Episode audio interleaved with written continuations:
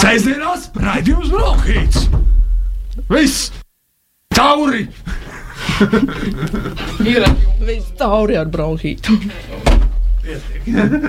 Tāpatās no manis nekas jēdzīgs nesanāca šodien. Esiet sveicināti radionāva klausītāji, ir kārtējā sestdiena, un nākamā stunda ar jums kopā būs literatūras rādījums Bronhīts, un ar jums studijā Signa Viška un Edvards Kuks. Labdien, un šodien pie mums viesojas dzinieks Ronalds Briedis ar savu krājumu, savu ceturto krājumu, nulles summa. Labdien, Ronalds! Labdien!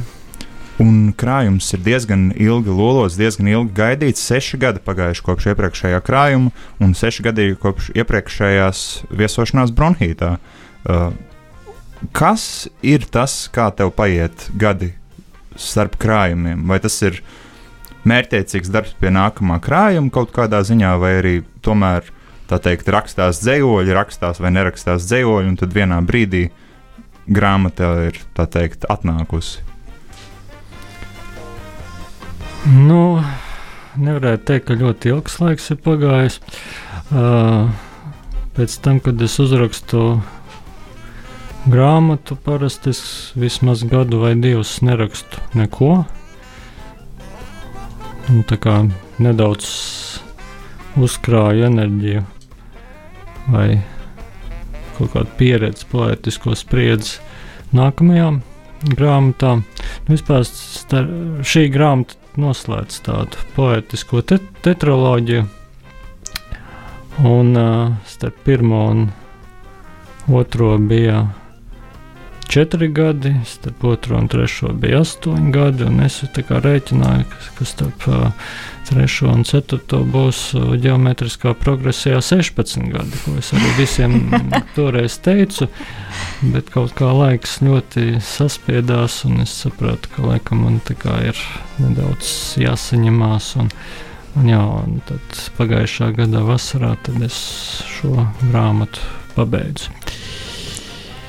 Šī pauze kaut kāda gada pauze, pusotra, divu gadu pauze. Tu neesi vienīgais, manuprāt, no kā es esmu ko tādu dzirdējis, bet tas ir apzināts lēmums vai, teiksim, vienkārši tā teikt, nerakstās. Nu, es teiktu, ka, ka ir tāda sajūta, ka tu esi pilnībā izsmēlies. Nu, tad, tas grāmatas rakstīšana tomēr ir diezgan intensīvs posms. Un tad, kad tu esi pabeidzis rakstīt, tad ir tāds enerģijas izsīkums, vārdu izsīkums, valodas izsīkums. Un vispār, godīgi sakot, vispār runāt negribās, ko nu vēl rakstīt. Nu, atvainojamies, ka mēs spiešam tā teikt. nu, ko darīt? Ko darīt? Ko darīt? Autora smagais pienākums. Jā. Un, ja runājot par rakstīšanu, man te piezīmēs atzīmēts diezgan vienkārši noformulēts jautājums, bet es to mazliet izvērsīšu. Tas, kā man te ir pierakstīts, ir cik daudz tu vispār domā, bet cik daudz tu piedomā pie tā, kā tu raksti. Nu, ir tā, ka daudziem atnāk impulss un tad uh, viņi uzraksta to, kas uh, iznāk ārā, un attiecīgi ir diezgan maz rediģēšanas, kā tas notiek tev? Sevišķi ņem, ņemot vērā, ka ļoti daudz dzējoļu ir tiešām ievērojot stingras formas. Nē, nu, stingrās formas tas ir drīzāk kā teksts pats saka priekšā, kā viņš grib uzrakstīties. Tas jau nav tā, ka es izdomāju, ka tagad es rakstīšu tādā formā un tagad mēģināšu kaut ko tādā formā uzrakstīt. Uh, vienkārši teksts pats nāk, un, uh, un uh, tu jau saproti, vai viņš uh, būs verlibrā vai viņš būs kādā, kādā no metriskajiem pantmēriem. Vai tas būs triolets, jā, kur, kur ļoti viegli, viegli rakstās. Viņi tā ļoti ātri atnāk un ātri uzrakstās. Un, Un tāda arī saglabājas. Bet nu, tur ir kaut kāda daļa racionālā procesa, kaut kāda daļa spontānā procesa. Man liekas, ka to var kaut kādā mērā salīdzināt ar tādu, ka tev ir kaut kāds rāmis, priekšstats par to, kāds tas krājums, kā tāds logs būs. Un tad tu sāc tos stikliņus, kas rodas slikt kopā, un tā mozaika, kas no viņiem izveidojas, viņa jau nekad nav tāda, kā, kāda viņa varbūt tev iztēlē radusies sākot darboties pie tās grāmatas.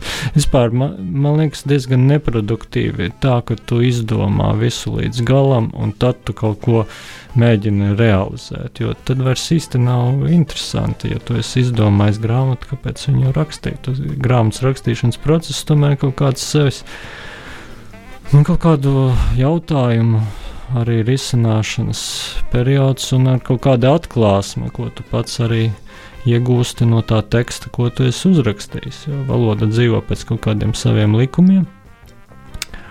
Un, ja tev kā autoram ir pārsteigumi, ko viņi rada, tad ir kaut kādas arī iespējas, ka varbūt arī kāds lasītājs, lasot to tekstu, nu, kaut kādu atklāsmi jau no tā iegūs. Bet vai tu jau sākumā nojauti, ka tā būs poetiskā tetraloģija, vai arī tu nojauti, ka būs vismaz uh, nu, divas daļas vai trīs? Nē, nu, to, ka tā būs tetraloģija, protams, es, es tā neizdomāju. Ja? Nē, man vienkārši pēc tās pirmās grāmatas bija sajūta, ka es esmu tikai kaut kāda aizmetne tam, ko es esmu gribējis realizēt, radījis, un ka man ir vēl kur iet. Uh, Un tāda man bija arī pēc otrās grāmatas, tāda man bija arī pēc trešās grāmatas, bet pēc šīs man vairs tādas uh, sajūtas nav. Man liekas, ka kāds laikmets ir noslēdzies, tie 25 gadi ir, ir, ir pagājuši un, un, un kaut kas ir nopaļojies. Tu saki, ka kaut kādā ziņā jābūt vietai pārsteigumam tajā grāmatas rakstīšanā, vai tu sevi tagad vēl ar vienu tikpat daudz pārsteidz, kā kādreiz rakstot. Nu, tu saki, ka, tu saki, teikt, ka šis posms vai šis kaut kāds kopums ir uh, sevi ar, neteiksim, izsmēles, bet viņš iet uz beigām. Vai pārsteigumu paliek mazāk? Mm. Nē, nu, nē, nu skaidrs, ka kaut kādi in, in, instrumenti, kaut kādi paņēmieni, kurus jau tu nu, kaut kā tā jau gandrīz automātiski izmanto. Un, un, Un, un, un, un, un tad tev katreiz jāpiedomā, varbūt uh, pat varbūt ne tā, ka tev ir jāpiedomā, bet gribās kaut ko pamainīt pašam tajā visā, lai, lai, lai, lai būtu in, interesanti joprojām tur, kur tu jau esi kaut ko darījis. Bet, um, bet uh, jā, nu, rakstīšanas process, tas ir sevis pārsteigšanas process. Jā, jā, ja, man, ja man tie teksti tādu izjūtu, teiksim, kaut kādu pašu, at, paša se, pašam sev kaut kādu atklāsmi no tā, ko tas, ko tas teksts manī izveido, neradīt, es, es nerakstītu. Tev gadās arī tā teikt. Es nezinu, vai vis, visiem ir tāda pieredze, bet ja iedomāties dzīvoli un saprast, ah, nu, nav vērts šo rakstīt. Oh, jā, tas ir, tas ir mans uh, uh, pastāvīgais uh, sajūta. Jā, es, es jau vienmēr saku, ka es aizvien biežāk ļauju kaut kādām rindām atnākt un aiziet, un viņas nemaz uh, nepierakstu. Kādreiz, jā, tad es, nu, es nezinu, kad es sāku, tad es pilnīgi rakstīju visu, visu kas, visu, kas uh, kaut kā valodā spēlējās un nāca man. Uh, nāca man prātā, bet uh, aizvien retāk un retāk. Un, ja kādreiz es nezinu, varēju uzrakstīt divus, trīs dzīsļus dienā, tad tagad, ja ir viens dzīslis mēnesī, jau ir labi. Jā, bet tomēr, tomēr es teiktu, ka spēja iznest cauri tetraloģiju un arī gal galā šīs grāmatas apjomīgums visādā ziņā, gan, gan apjomā, kā biezumā, bet arī pašu dažādu tekstu biezumā ir diezgan iespaidīgs. Nu, tā teikt, nevar, nevar būt par laimi, ka tas tiešām ir dzēles mēnesī tavā gadījumā, un, un mums ar to ir teiktu, veicies drīzāk? Uh, nē, no, uh, šī tā kā, tā kā noslēdzošā grāmata uh, tetraloģijai, kas nu, tā kā, tāds tā kā nosaukums Oroboro, jā, tad tas. tas tas simbols ar to mūžīgu atgriešanos, tad, protams, tā, tā, tas cikls, tas noietais aplises, viņa atgriežas pie pirmās grāmatas tekstiem. Te ir ļoti daudz uh, tekstu, kas neiekļuva dažādu iemeslu pēc pirmajā grāmatā. Mm. Tā ir pilnībā tā nodaļa, kas saucas uh, pirmā grāmata izrautās uh, lapas. Ah, Ah. ok, es tieši gribēju prasīt, vai šajā krājumā ir uh, kaut kas, uh, nu, vai te ir dzējoļi, kas uzrakstīti tikai pēc trešās grāmatas iznākšanas, bet tu jau atbildēji šo Uh, jā, tā nodaļa ir pilnībā. Uh, No tekstiem, kas nav iekļuvuši pirmajā krājumā, bet arī praktiski visās pārējās nodaļās ir kaut kāda veida teksti, kas man ir diezgan raksturīgi. Es reizēm vienkārši, ja viņi, neie, ja, ja viņi neienāk vienā grāmatā, tad viņi ienāk uh, nākamajā. Tas arī iepriekšējos krājumos man bija. Nu, šeit ļoti intensīvi. Viņi daudz un praktiski vienīgās. Vienīgie teksti, kur ir, kurā nav nekas no vecie, veciem, tas ir tas, ir tas uh, mikrosfēra, tas uh, biogrāfiskais bērnības, bērnības posma uh, cikls un, un, un, un sonēta vainags, jā, ka, kas kā noslēdz visu, visu šo tetraloģiju un kas ir kā no jauna uzrakstīts. Bet katrā, katrā no nodaļām ir arī kaut kādi vecāki teksti. Tāpēc arī tik ļoti apjomīgi. Viņi tā kā, divas grāmatas jā, vienos vākos. Vai ja skaita pēc nodaļām, cik sanāk? Septiņas, astoņas. Man liekas, ka septiņas bija. Jā, jā. Jā, tā nav numerācijas, bet es arī pasītē skatos, ka šim krājumam ir divi redaktori - Māris Salējs un Liepa Rūce. Un, uh, pirmkārt, kā tā, un otrkārt, uh, kāda bija sadarbība ar viņiem un uh, ko viņi ieteica, vai tieši krājuma struktūras ziņā, un kāda bija tiešām sadarbība ar viņiem. Nu, uh, Māris man ir redaktors praktiski visām četrām grāmatām, jā, Liepa arī pēdējām, pēdējām divām. Uh, uh, nu, Savulaik Jānis Rokpelns, kas, kas bija arī mans redaktors pirmajām grāmatām, viņam bija tāds teiciens, kad viņš strādāja par literāro konsultantu rakstnieku savienībā, tad viņš mīlēja teikt, ja tev viens cilvēks saka, esi piedzēries, neņem galvā, ja tev divi cilvēki saka, esi piedzēries, neņem galvā, nu, bet ja tev jau trešais saka, esi piedzēries, tad ej un izgulies. Ja. Nu, un, un tāpēc, jā, man, man kaut kā patīk, kad ir divi redaktori, jo tad ir divi, uh, divi viedokļi, un, un uh, tad ir kaut kāda iespēja uh, uh, redzēt kaut kādu nu, tādu kopsaucēju tam visam. Un jā, sadarbība man ļoti labi ir ar viņiem. Un viņi man diezgan daudz palīdzēja. Galvenokārt, jau, protams, ar to problemātiskāko pirmās grāmatas nodeļu, tāpēc ka ar šiem pašiem vecākiem tekstiem ir ļoti grūti. Jā, jo jo nu, nevelti viņi palika ārpus tās pirmās grāmatas, un, un, un, un tur man ir tāds, tāds vistas aklums jā, uz šiem tekstiem. Es, es viņus nevaru no malas uh, novērtēt. Bet viņi bija varbūt tā, viņi varbūt vairāk konceptuāli, man bija svarīgi kompozicionāli. Uh, lai viņi šajā grāmatā ienāktu, lai viņi to, to ap, apli noslēgtu. Bet uh, vai kaut kas ar šiem tekstiem ir teikt darīts, vai viņi ir mainījušies pa gadiem, vai viņi ir ienākuši kādi bijuši? Nu, tur var pa kādam varbūt kaut kāds vārds noslīpēts, tur kaut kāds teikums bija pieprecizēts, jā, tur nezinu, kaut, kā, kaut kāda liekvārdība novērsta, bet, bet, bet pamatā viņi ir tādi, jā, kādi viņi bija. Jā. Ar sarunu ar Ronaldu Briedi, Signu Višku un Edvardu Kuku mēs drīz atgriezīsimies, bet pagaidām muzikālā pauze. Lidojām toreiz ar vecākiem uz Taškentu.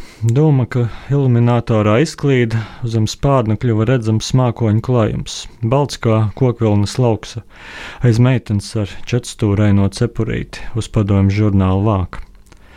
Pagalmā mēdz noskatīties, kā lielākie bērni griež saulītes. Elpa aizrāvās tieši zenītā, kad šūpolis pamira, bet apmet apli. Lidmašīna turpināja celties. Virs galvas dienas vidū parādījās zvaigznes, un mani pārņēma panika, ka izskrējuši visumā netiksim atpakaļ. Kokvilnas vācēja bildē smaidīja aizdomīgi plati. Man vairs nepatika ilgi gaidītais lidojums, kurā nevienu brīdi nelido. Reiz vējainā laikā gāju ar lielu lietus sargu, spēcīga brāzma parāva mani augšup, vien pāris milimetrus, bet sajūta palika un vēlāk atgriezās sapņos. Tagad, tagad biežāk redzu cilvēkus, kam nespēja atcerēties vārdu, un mostos ar izjūtu, ka mēģinājums aizgriezt krānu noved pie ūdens daudzuma pieauguma, neatkarīgi no ventiļa griešanas virziena. Pārāk daudz reižu stāvēts pie metāla meklētāja rāmja, pieturot bikses, kamēr lidostas darbinieks pārcelā rokas bagāžu. Saliekamais lietusargs atgādina, ko sen aizmirst, kā atkrītot nemanām aizkritušām ausīm un atskārstot, ka arī šoreiz salonā atskanēs aplausi vien tad, kad lidmašīna nolaidīsies uz zemes. Vecgada vakarā skaitījām zejolīšus un dalījām dāvanas. Vārdainajam vecītim nekad neesmu ticējis. Visu laiku centos pieķert, kurš no vecākiem izliek aiz dzīvokļa durvīm maisu un nospiež zvana pogu. Dāvana bija daudz, tevs katreiz atkārtoja vienu un to pašu divrindi, vecmamai bija priekšā lapiņa. Arī man iemācītie pantiņi vienmēr juka, tāpēc domāju savus un uzdevu par īstiem. Plānoju būt bārmenis vai oficiants. Reiz pat atnesu viesiem šķīvas, kura biju salicis halvu ar marinētiem gurķiem. Tad gribēju būt slavens pianists, kad tiku pie klavierēm sarakstīju ar flomasteru uz taustiņiem, kādā secībā tie jāspaida. Man izpildījumu nokritizēja tikai mātes māsa, bet viņa bija alkoholiķa un tas neskaitījās. Pēc pusnakts gājām laukā skatīties, kā šauja raķetes, dedzinājām brīnums vecītes, vēlējāmies sagaidīt laimīgo gadu.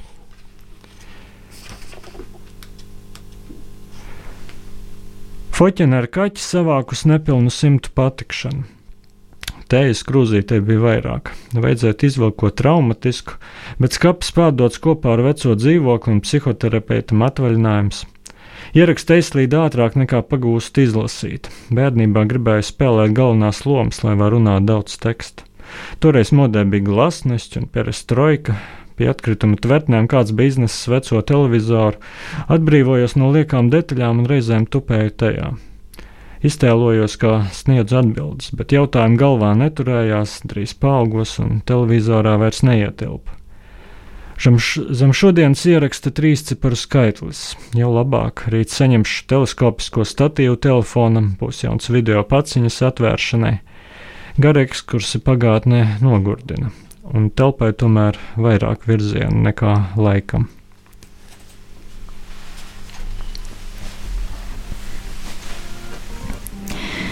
Un tie bija Ronalda Brieža dzējoļi no krājuma nulles summa. Un, jā, esam atgriezušies uh, literatūras sēdījumā Bronhīts un turpinām sarunu ar uh, nulles summas autoru Ronaldu Priedi. Uh, Un, jā, lasot šo krājumu, protams, tā kā tā ir tetraloģija, bija jūtams, ka nu jā, šeit joprojām ir tavs rokraksts un ir ļoti daudz kultūra vēsturisko atsauču un ir arī mūsdienas. Tas tiešām ir kā ceļojums caur dažādām kultūrām, bet kā tu pats izjūti, kā šis krājums atšķiras no pārējām trim tetraloģijas daļām? Mm, nu, es pat nezinu, tas droši vien būs cilvēku, kas to lasa un kas uh, gribēs par to reflektēt. Jautājums man ir tāds sajūta, ka ir kaut kāds noslēgums, kaut kas ir beidzies. Un, un uh, jā, nu, ir tāds mēģinājums atgriezties, paskatīties pēc tā noiet tā transformācijas procesa uz, uz to pirmsākumu. Tas kaut kāds tāds, tāds skatiens, varbūt, kas man viņā, kas pēc, tā pēcgarša, kas man, kas man pašam ir pēc, pēc tā krājuma. Kaut kā man, man bija jautājums, kuram es biju gatavs izmantot vienu dzējoli kā piemēru, bet viņš tagad izrādās esam no pirmās grāmatas laika, un es nezinu, ko vairs iesākt ar savu jautājumu. Uh, tas kaut kādā ziņā jautājums arī bija par tavām rotaļām ar kultūras. Uh, recenzijās ir pierasts parasti rakstīt ar kultūra atsaucēm un mītiem, bet es teiktu ar kultūras tropiem. Kas ir tas, kas tevi viņiem tik ļoti pievelk šīm kultūras uh, tropu rotaļām, un, un, un tad, kā varam teikt, pat kalambūriskai domai. Tas dzēvos, kur, kur es biju izvēlējies, bija ārsti man parakstījuši nezāles, guļu uz veciem lauriem, kā uz nātrēm guļu. Bet, protams, tas ir arī viss cauri šai grāmatai un, un, un arī citām. Bet kas ir tas, kas pievelk šādai dzējas vielai? Mm, nu, tas, um, ja, ja, ja mēs runājam tieši par, par šādām, šādiem mēģinājumiem paskatīties uz valodu, tad uh, es parasti to salīdzinu ar tādu bērnu uh, skatienu. Nu, tas ir, kad zvejniekam ir ļoti daudz kas kopīgs ar bērnu, tādā ziņā, ka mēs pierodam laika gaitā pie valodas mēs vairs viņu, nu, mēs vairs nejūtam tajā tās spēles, tās nozīmes, tie tos, tie tos tās idiomas, frazeoloģismus, jā, kaut kādas nozīmes, kas ir, kas ir pazudušas, jā, un, un, un tad tajā ziņā autors, jā, dzēnieks var kļūt līdzīgi līdzīgs bērnam, kurš atkal ierauga valodu no jauna un mēģina saprast, kāpēc viņa ir tāda, kāda viņa, kāda viņa ir. Un, un, un, un, un, uh, mēģinot to likumsakarību atkal atbrīvot no, no, no, no, no pierastā, uh, padara viņu atkal daudznozīmīgu dzīvi tas bija ļoti raksturīgi man, varbūt, varbūt pat vairāk tieši jā, tajā pirmajā. Pirmajā dzīslas posmā, kad bija ļoti daudz šādu frazeoloģismu, man, man ļoti patika arī kaut kādā ziņā uh, meklēt kopsakarības starp uh, līdzīgiem jā, frazeoloģismiem, kuros, kuros ir kaut kāds viens tēls, un kas notiek, kad viņi saskaras savā starpā no dažādām jomām nākuši, kādas nozīmes viņi, viņi rada. Uh, jā, un, un jā, šajā, šajā no pirmās grāmatas laikiem palikušajos tekstos, man liekas, tas visvairāk arī šajā, šajā, šajā krājumā ir, jo varbūt tajās citās, citās nodaļās tur varbūt arī kaut kādas citas lietas tomēr vairāk priekšplānā.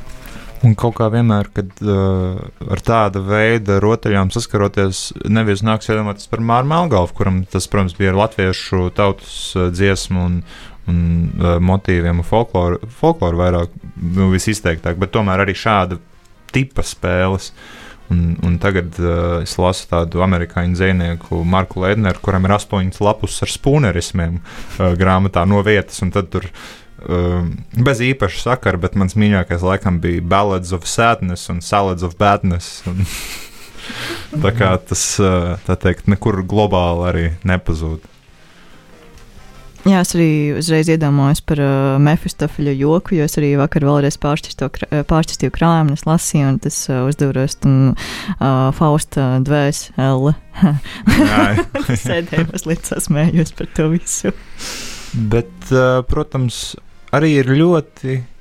Nu, man liekas, ka sevišķi, kad kāds par to raksta, ir, ir kaut kā viegli aizķerties aiz kaut kādas vienas tehniskas lietas, un tad to uzdot par tā teikt, kaut kādu firmas zīmi, jo ir tik daudz viskaut kādu.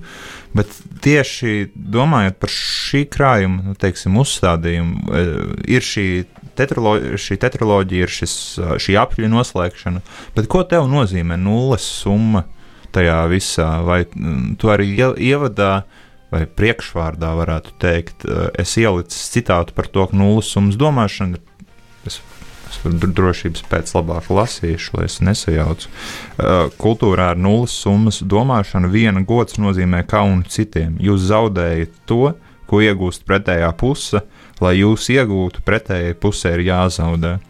Vai tavā grāmatā ir kaut kādas attiecības ar šādu nulles summas domāšanu? Nu, man ir tāda sajūta, ka, ka lielā mērā visa grāmata par to, par to arī ir. Jā, jo nu, pats termins, protams, nāk no spēļu teorijas, bet viņš šobrīd, protams, ir nu, tā spēle ar nulles summu, bet, bet, bet šobrīd viņa jā, kā nulles summas domāšana arī attiecinās. Uh, uz socioloģiju, uz kultūras psiholoģiju un uz citām kaut kādām arī humanā, humanitārām uh, jomām. Man ir tāds, jā, tāda, tāda, tāda, tāda varbūt uh, refleksija šeit par šo, šo nu, kaut kādu tādu. Mm, cilvēka uh, instinktos ielikt to, ielikt to mm, modeli, jā, ko mēs ar kultūru reizēm mēģinām kaut kā korrigēt un, un, un, un, un no viņas varbūt izvairīties, bet kas laužas atkal un atkal laukā no, no tā, tā dzīvnieka cilvēkā. Jā, tas kaut kādā ziņā arī, nu, nu, godīgi sakot, mēs dzīvojam laikā, kad mēs to ļoti labi redzam. Jā, līdz ar to, līdz ar to tā atgriešanās pie tā, jā, tas aplis vienmēr atgriežas pie tā. Jā. Man uh, liekas arī ļoti izcēlās simetrijas kaut kā. Varbūt es vienkārši iepriekšējās, iepriekšējos krājumus atzīstu, pir, pir, pie pirmā es tā arī neesmu vēl ticis, bet uh, gan jau šī veiksma man ir priekšā, bet tieši izcēlās simetrijas um, sevišķi metafsfēru nodaļā un, un kaut kā. Š, ja, ja doma par spēli ar nulles summu, uh, es uztveru kā pesimistisku tomēr ideju, proti, ka nav beigās guvums no, no, no, no darbības kā tādas, tad simetrijas es kaut kā gan uztveru mierinoši. Tās manī kaut ko apmierina noteikti. Es atvainojos, ka man nebija jautājumu. Nē, man arī man, līdzīgi. Man, man tas pilnībā apmierina, jo ka nav jautājumu. Nulles summa vienkārši tagad ir palikuši tikai pārsvarā komentāri. Jo patiesībā es arī lasīju, un es tā kā pirms katra raidījuma cenšos uzrakstīt jautājumus, bet šeit lasot, pirmkārt, man ir pārņemta tāda es, es pat varētu teikt, bijība, jo es ieraugu šo krāmu, tas ir bies. Un, tiešām pagājušie 25 gadi kopā. Nu, tā ir tetraloģija, un uh, tu gribot, negribot, izjūti tādu milzīgu cieņu pret tekstu. Un, jebkurā gadījumā ar kaut kādu cieņu pret tekstu, bet uh, šoreiz tas tiešām bija ļoti spēcīgi. Un pat uh, es arī noklausījos uh, to bronhītu, kurā tu viesojies pirms uh, sešiem gadiem. Un uh, tad arī tu teici, nu jā, nu, kad tu esi pabeidzis uh, krājumu, nu, tad uh, krājums runā pats par sevi. Un tad it kā nu, tas, ko pēc tam saka autors autors, nu, tas uh, negluži, ka tam vairs nav nozīmes, bet uh, tas vienkārši kā papildinājums, bet uh, krāms jau dzīvo pats par sevi. Un, uh, līdz ar to nav brīnums, ka ir uh, pārsvarā komentāri un pārdomas, nevis tieši jautājumi. Un šis atkal nebija jautājums. Nē, nē, nē nu es varu jau vēl visu kaut ko pajautāt. Bet es, uh, es domāju, ka pirms mēs vēl kaut ko pajautājam, ir pienācis laiks vēl kādai muzikālai pauzē.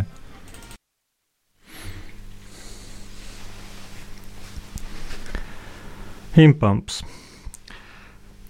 Kad balkonā atskanēja smiekli, viņa labā roka atlaida priekšā stāvošā plecu, viņa kreisais elkons izslīdēja no aizmugurējā plaukstas, lipekļi atlipa, pīnekļi atrisa, un neveiklais gājiens pajuka uz visām pusēm. Rindas beigās nevarēja redzēt, kuru, taču kādā pa, kādu pašā priekšgalā ieveda pilī. Ļaudis sāka čukstēties, ka ceļojums galā, rīta svētdiena, krāsnī palikusi maize, kūtī govs, veļa iemērkta baļļā. Uzrausies kājās un ieraudzījis rokās tērbeli, noplīsuši krogus meitas naktskreklam, mācītājs pavilka platmalis malu dziļāk uz acīm un nozuda pūlī. Kārtībnieks izlocīja notirpušo plecu un apturēja garām, garām braucošu pajūgu, lai atgrieztos postenī pirms salešņa saprota likuma prombūtne. Pat suns izlaida no zobiem desu virteni, kas no brīvi šūpojās no pilnā groza, ķēkšai aiztrabarējot vārtu virzienā. Pēc brīža viņš stāvēja tukšā un klusā pilsētas laukumā, veroties delnā, kur gulēja atslēga no nodegušās mājas. klimats. Iemaldījies mežā, kuru aplēja, noriet vakar saule, kaut kur krancis rei, tuvu jābūt sētai, saspicēja savus, noklap kokā pakārts suņa galvas kaus, biedēklis pret lāčiem, kakla tarbā liec, pusnakts stundai pāri, dzirdi kumeļš zviets, acis līp no miega, siens būs mīksts un sauss, noklap kokā pakārts, zirga galvas kaus, met to kulē iekšā, klaudzot modrāk iet, lēk, drīz lēks saule laktā, trešo reizi dziet, uztaus uztaustījis taku, solis kļuvis gauss, noklapa kokā pakārts gaļa galvas kaus. No pundura un ilža kauliem krautā tronī neiesmīdinām ķēniņa meita sēž. Virs izpūrušās galvas riņķo kraukļu kronis, apkārt pilī šalko necaurējams mešs, Man darba pārpildīt, izbirst maisa pie kājām, ripo grabēdami žokļi, smieklis sprūk, Es neiesmēģināmo ķēniņu meitu mājās, tam, kas pateiks, kura zoba mutē trūkst. Cerienas Annas galmā gaidām sākstu kāzas, brūtēpin matos salmus, svaigus ar ogli krāso, brūtgāna maistā smici, parūka ģīmis krītā, sievās ņem kņaģis gaļicins, šķībats pundurīt, Sadzīs no zemes plašās, pakļautās tautas bariem, gluži kā noām pašam, lops no katra pāri, klaiņos pēc dzīrēm pūļi, meklējot dzimto aulu, kupenās paliks guļam, vilkiem un kraukļiem kauli, cerienas Annas galmā, gaidām sākstu kāzas, atvērti logi salnās, sasalis ūdens vāzēs, krievzemes pavēlniece vādna šai sliktā omā, nespēja nekas vairs priecēt, aizbaidīt drūmās domas, kur zemes hercogs bīrons kafio līdzās pēļos, stallī vai gultā tīrā, visi tāpat jau mēļo. Hercoga dēlēns Kārlis Memļaks, lai zirgā jātu, huzāra prātā pārliek, kas ir tā īstā māte. Cerienas Annas galmā gaidām sākstu kāzas, izskanot popu psalmiem, norit par vaigu lāsi, noslauka rokas trupi, bīrons lapjo buču, būvnieki zāģē upi, izceļot smagus klučus, pavadīs kāzu nakti, laulātie ledus pilī, klabinās zobus kaktā, krustojot pirkstus zilos, uzšļākstiem dukais spaini, pieliks pie durvīm sarunā sargus, pikanta joku aina Krievijas ziemām bargā. Pērtiķis un uguns. Vizibens ligzdu vientulīgā kokā un Lietuvas savannas līkst smogā, kaut sarkanajā augsnē uguns neizplatās. Krust zālē pārogļojies putna šķiņķis, tam divi tēviņi met riņķus, bet mātīt pie pupa bērnu spiež un skatās – Tad zaudējušais Dants pārtrauc spēju un rādot zobus uzbrucējam, no rīkles izdalīt sāk saraustītas skaņas, bet uzvarētājs savāc medījumu un pēdu aplis smālā glumā, zūd dūmu mutuļos un laika kultūras lāņos.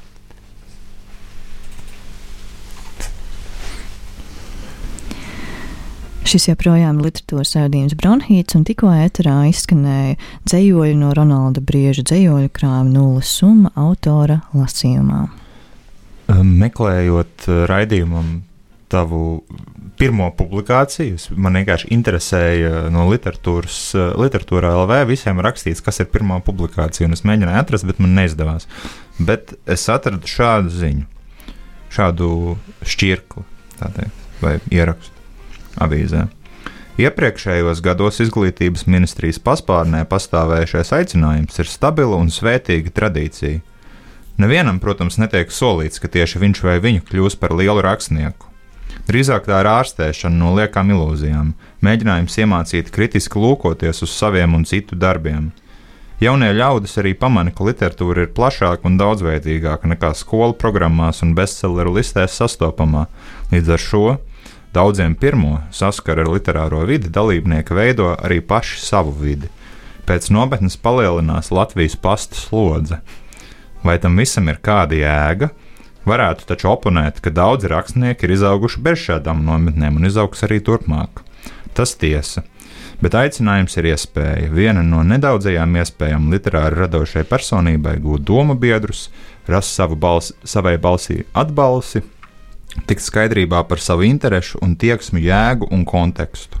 Tā raksta Jānis Elsbergs par 97. gada aicinājumu, kurā uh, starp jaunajiem autoriem tolaik esi arī tu, bet tagad jau aptuveni 20 gadus tu vadīji jauno autoru semināru, vai vismaz organizēja jauno autoru semināru, un kopš 2003. gada dzīslas meistardarbnīcas Literārajā akadēmijā. Vai šis teksts ar tevi sabalsojas kaut kādā ziņā tagad kā ar pasniedzēju, vai tu pamanīji kaut kādas lietas, kā pasniedzējs, uh, domājot par saviem audzēkņiem? Bet tajā citā tā ir pārāk daudz jautājumu vienā. Man jā, es, es, pat, es, pat nevaru, jā, es pat nevaru teikt, ka tas, ka tas ir jautājums. Var, var, varbūt uh, sāksim no, no tā viena gala. Kā tu, kā tu kļuvi par uh, literārās akadēmijas pasniedzēju? Jo, ja nemaldos, tajā brīdī tev vēl debijas krājums pat iznācis, tajā brīdī nebija. Mm, neteiksim, ka es kļuvu par pasniedzēju. Ne, tur situācija bija tāda, ka uh, 2003. gadā, nu, tā, kad mēs sākām darboties literatūrā, bija ļoti maz iespēju kaut ko darīt, kaut kā strādāt, kaut kā pilnveidoties. Darbojās Rakstnieku savienībā literārais konsultants, toreiz tas bija Jānis Rokpelns, pie viņa varēja aizbraukt, un divreiz gadā notika šie, šīs nometnes, ja, nu, nometne aicinājums, uh, un, un, un un, uh, un um, jaunu autoru seminārs, jā, kas bija pavasarī. Uh, un, un visu pārējo laiku, nu, vispār kaut kā, teiksim, tā literatūrā, tā, ka būtu tikai rīznieki, gluži nav. Jā. Nu, tomēr visi tie jaunie autori, viņi atbrauc no, no dažādām, dažādām Latvijas malām, un tad ir tā, ka tu aizbrauc uz to Rīgu ja, vai uz tiem salkrastiem, vai, vai 97. gadā bija, tā bija Cernikava, ja, kur bija aicinājuma nometne. Un tad, tad kaut kā no, nedēļa padzīvojies ar tiem vienaudžiem un, un, un cilvēkiem, kuriem arī interesē literatūra. Un tad tu brauc atpakaļ pie sevis uz savu dzimto pilsētu, kur praktiski nekas īsti nenotiek. Un tie vēl bija 90. gadi, kad es neteiktu, ka darbojos sociālā, nu, tās sociālie tīkli aktīvi un, un, un viss kaut kā sazinājās ar zūmiem un skaipiem. Ja? Un, nu, mēs tur mēdzām, protams, sūtīt pa pastu viens otram vēstules, bet, bet bija tāds ārkārtīgi tāds uh, komuni komunikācijas bats, un, 2000, un visu laiku runāja, ka vajadzētu kaut ko tādu regulārāku, tā lai, lai visu gadu kaut kas notiek. Un šeit 2003. gadā Rakstnieku savienībā mēs tur sanācām kopā.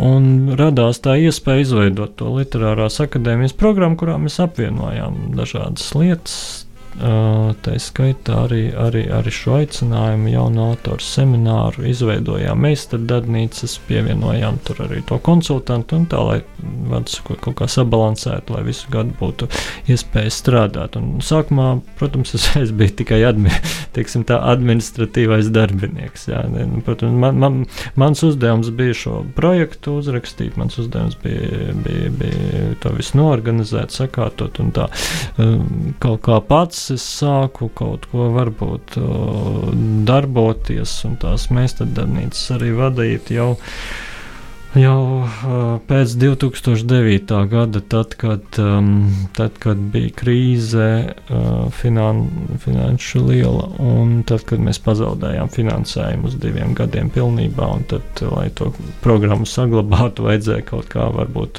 zināmā mērā uz entuziasma pamata viņu, viņu turpināt, un tos divus gadus mēs tā kā nodzīvojām bez finansējuma, bet tad mums izdevās viņu atkal atgūt, un kopš tā laika faktiski, jā, kopš 2003. gada bez pārtraukuma. Nu, 2003. gadā tika izveidota, jā, pirmās meistardarbnīcas sāk darboties 2004. gadā, tātad no 2004. līdz pat šai, šai dienai Literārā akadēmija darbojas bez pārtraukuma.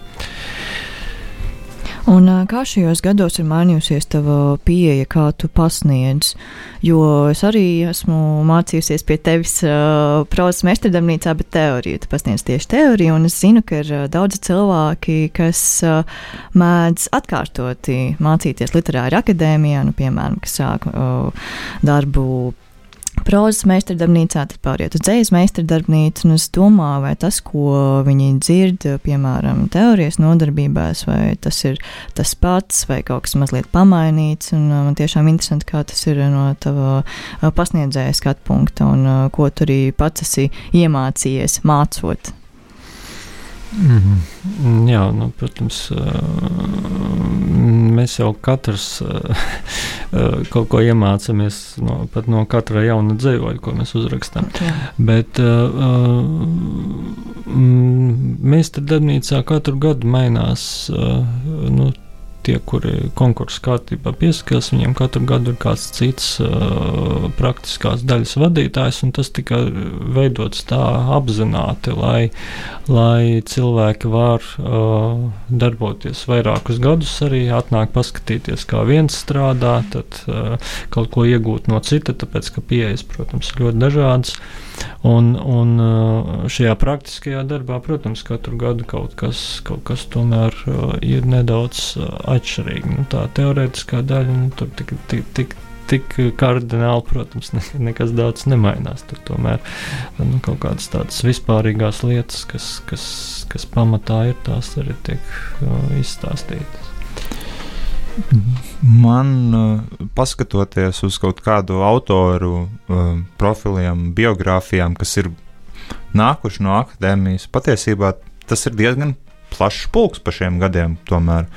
Un, ja nemaldos, Ruta Štelmacher arī bijusi akadēmijā. Jā, viņa apmeklēja toreiz pie, pie Māras salē. Jā, jā vienkārši es skatījos no tiem autoriem, kas ir bijuši. Es domāju, ah, nu, atzīmē tos, kas man īpaši teikt, patīk. Un, un, un tā, bet vai tev starp audzēkņiem ir bijuši kaut kādi tādi pozitīvā ziņā pārsteigumi, ka tu skaties un tu, tu redzi izaugam, tā teikt, nu, teiksim, vienkāršojot, redzi izaugam rakstnieku.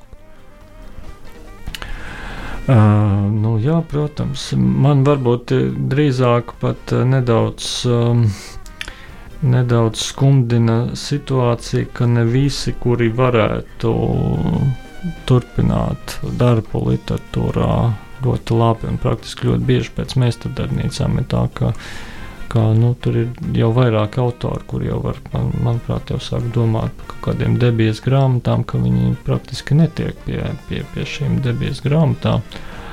Jo ir tāda bišķi tāda sajūta, ka mums tā, tāds tā kā pudeles kakliņš, ka no literārās akadēmijas nāk laukā daudz vairāk uh, interesantu perspektīvu, spēcīgu autoru nekā to, kuri tiek pie publikācijām.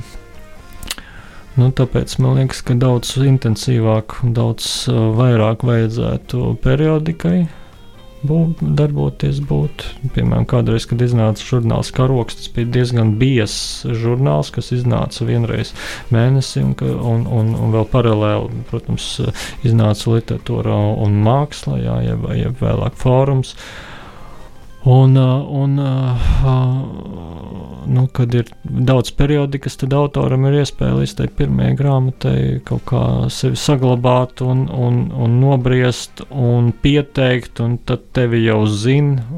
Tad, kad tu nāc ar to savu manuskriptu, tad tevi jau gaida. Ja? Nekā šobrīd, kad, kad varbūt man tieši pietrūks to man liekas, jaunam autoram iespēja debiju pie tās grāmatas tikt, jo man liekas, pārāk maz ir uh, iespēja publicēties šobrīd. Nu, es noteikti teiktu, ka arī kā jauns autors, kurš tikko bija vēl, vēl jaunāks autors, vienkārši pirmais ir uh, sakot zobus un nosūtīt to e-pastu un nosūtīt to publikāciju kādam, kas viņu ir gatavs lasīt. Man, prāt, mana pirmā publikācija nevienam nevajadzētu viņu lasīt, bet tomēr viņu paņēma. Un tagad, nu, kur var iesūtīt satoriju punktumā, domu zīmē, strāvā, žoklī, noteikti vēl kaut kur, par ko es uz tā uz, uz, uz sitienu neiedomājos. Bet noteikti, nu, katrā ziņā vispirms iesūtīt. Bet uh, raidījum, raidījumam, tuvojoties izskaņai, varbūt, jā, ko tu novēlētu tiešām šiem daudzsološiem autoriem, kur, kuriem vajag tā teikt, šo, šīs vietas, kur, kur rādīties? Nu, droši vien būtu, nu, tā sakot, nepazust. nepazust, nemēģināt varbūt pārorientēties uz kādiem citām radošām izpausmēm uzreiz, ja, ja neizdodas, neizdodas tikt pie tām publikācijām, bet, bet palikt, rakstīt, droši sūtīt, kur, kur ir iespējams publicēties, un tad, tad vienā brīdī arī domāt par to krājumu. Vai tev pašam ir kāds, kāda skaidrība, kas ir tavs teikt, nākamais solis pēc šīs tetraloģijas, ko mēs varam no tevis gaidīt? Jā, nākamo gadu pusotru, kad tu neko nerakstīsi, kā tu aizpildīsi šo laiku. Nu, es jau pus, pusgadu jau nodzīvoju. Ne?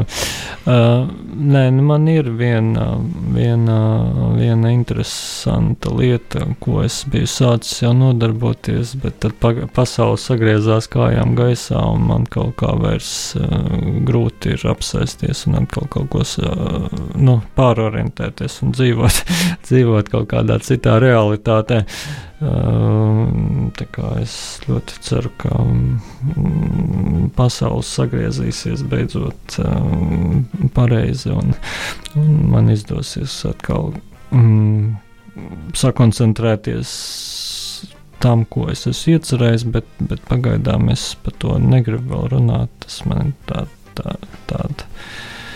Uh, intīma paša, paša interese, kurā, kurā vēl, vēl es mēģinu tikt skaidrībā.